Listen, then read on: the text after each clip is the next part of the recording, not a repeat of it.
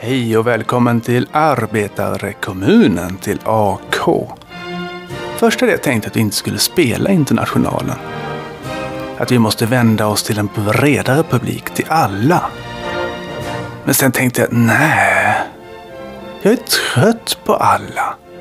Är det så att du inte vill ha fria och jämlika människor i ett solidariskt samhälle så behöver du inte lyssna. Adjö.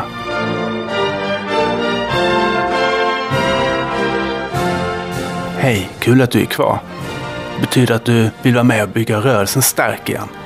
För Socialdemokraterna behövs och vi behöver hjälpas åt. Vi behöver uppmuntra varandra och vi behöver möten här i arbetarkommunen. Välkommen!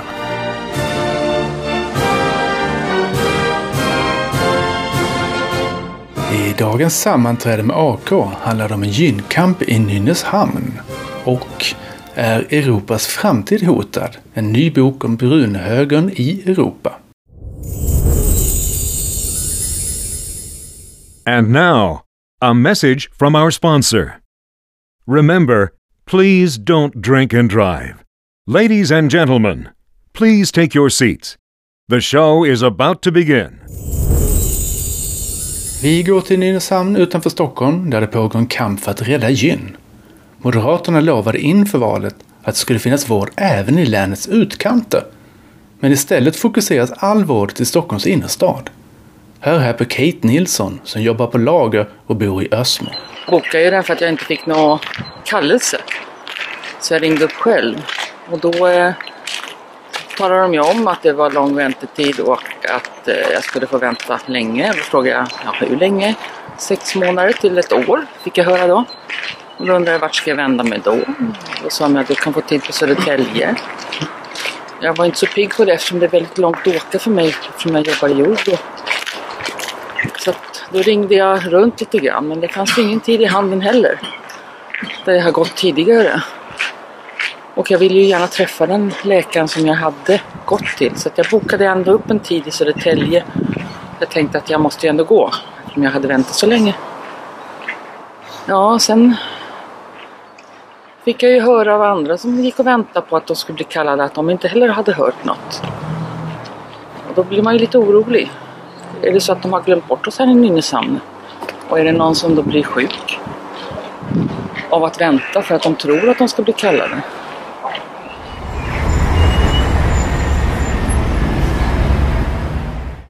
Ja, jobbar man på lager kan man inte smita ifrån lunchen eller flexa ut lite för att gå till vården. När frågan togs upp i landstingsdebatten tyckte Moderaterna att det var så praktiskt att ha all vård i innerstan eftersom man då lätt kunde gå till den. Men de flesta av vanligt folk ju varken bor eller jobbar i innerstan. Frågan om att rädda gyn väcker stort engagemang. Liselott Vähämägi är en av alla de som kampanjar för att rädda gyn. Jag har flera kvinnor som har berättat för mig som jag känner som eh, behöver ta ledigt en hel dag från arbetet för att göra ett besök i vården på något som borde ta en 45 minuter. Eller som jag själv har varit med om att möta nu, flera kvinnor som inte ens kan få vård fast de har ganska akuta besvär. Det säger Moderaterna att det är nu vårdval. Men det är uppenbart att vårdvalet är för de kvinnor som bor centralt i Stockholms innerstad och det är bra för dem. Men för oss som bor i Nynäshamn så finns det ingen vårdval. Liselott berättar att det är många som vill skriva under namnlistorna. När man än ställer sig utanför Coop blir listorna snabbt fulla. Och det är precis så här vi bygger rörelsen stark igen. Nu bygger vi rörelsen stark igen. Vi hittar frågor vi brinner för. Och som många andra också brinner för. Vi hjälper folk att göra sig hörda. Tack till alla er som engagerar sig och kämpar för detta.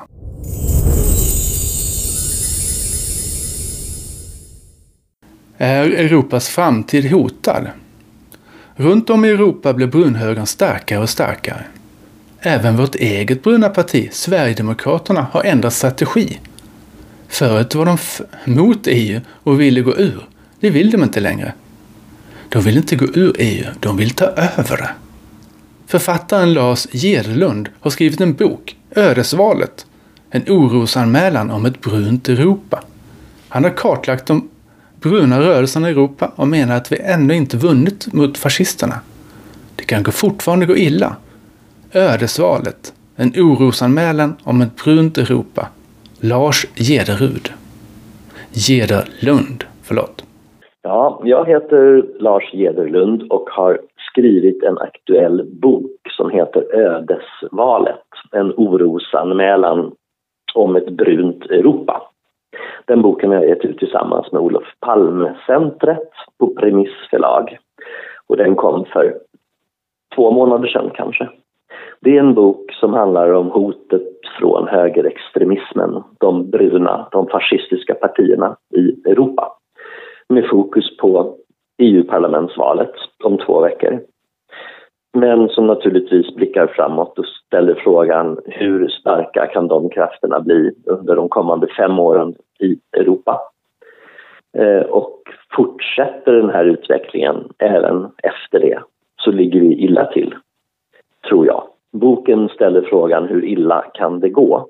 Och svaret på den frågan är att det kan gå illa. Det behöver inte gå illa såklart. Det är en fråga om mobilisering, politisk motstrategi, utveckling i samhället på många olika sätt.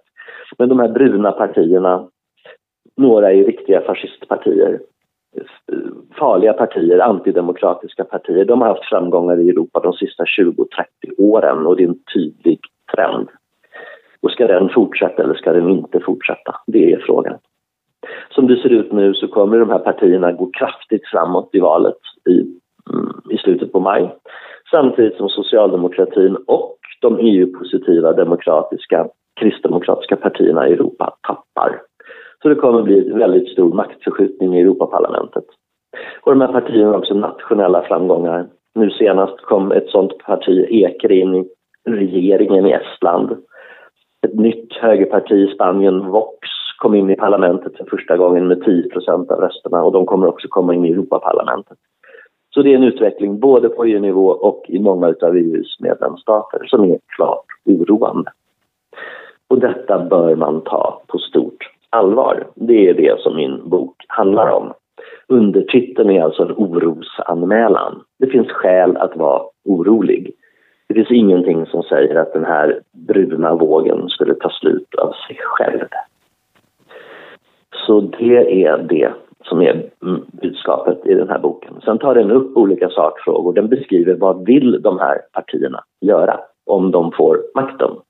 Och så går boken igenom och berättar om deras syn på kultur, skola, media, eh, den, det civila samhället, Eh, och EUs institutioner som man vill skjuta i sank.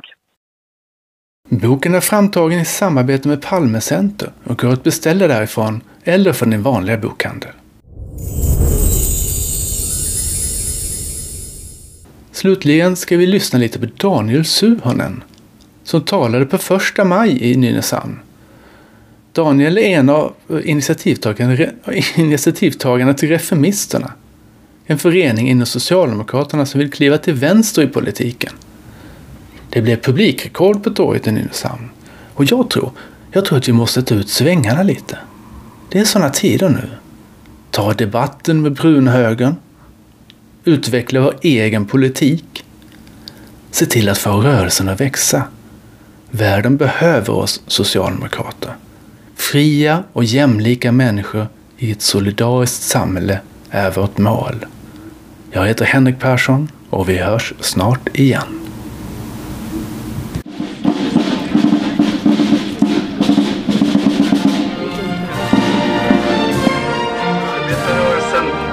Underifrån och sparkar uppåt och genomför reformer som gynnar de många människorna istället för de få. Då växer vår rörelse, då stärks reformismen. För de som fått smak på en semestervecka de börjar drömma om vad de skulle kunna göra med två eller tre. Och den som fått delta i ett allmänt val funderar kanske så småningom på varför de flesta arbetsplatser och en hel del familjer i vårt land fortfarande fungerar som diktaturer. Och det är viktigt att ha med sig den här insikten idag när den 73-armade bläckfisken Löv försöker krama livet ur vår socialdemokrati.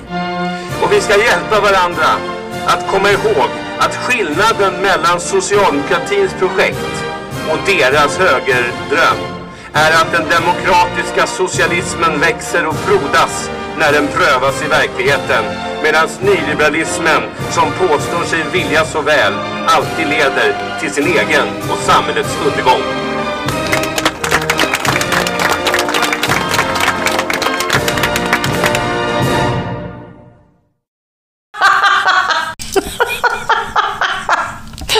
Hörru Henrik, nu bygger vi rörelsen stark igen. Nu bygger vi rörelsen stark igen. Nu bygger vi rörelsen stark igen.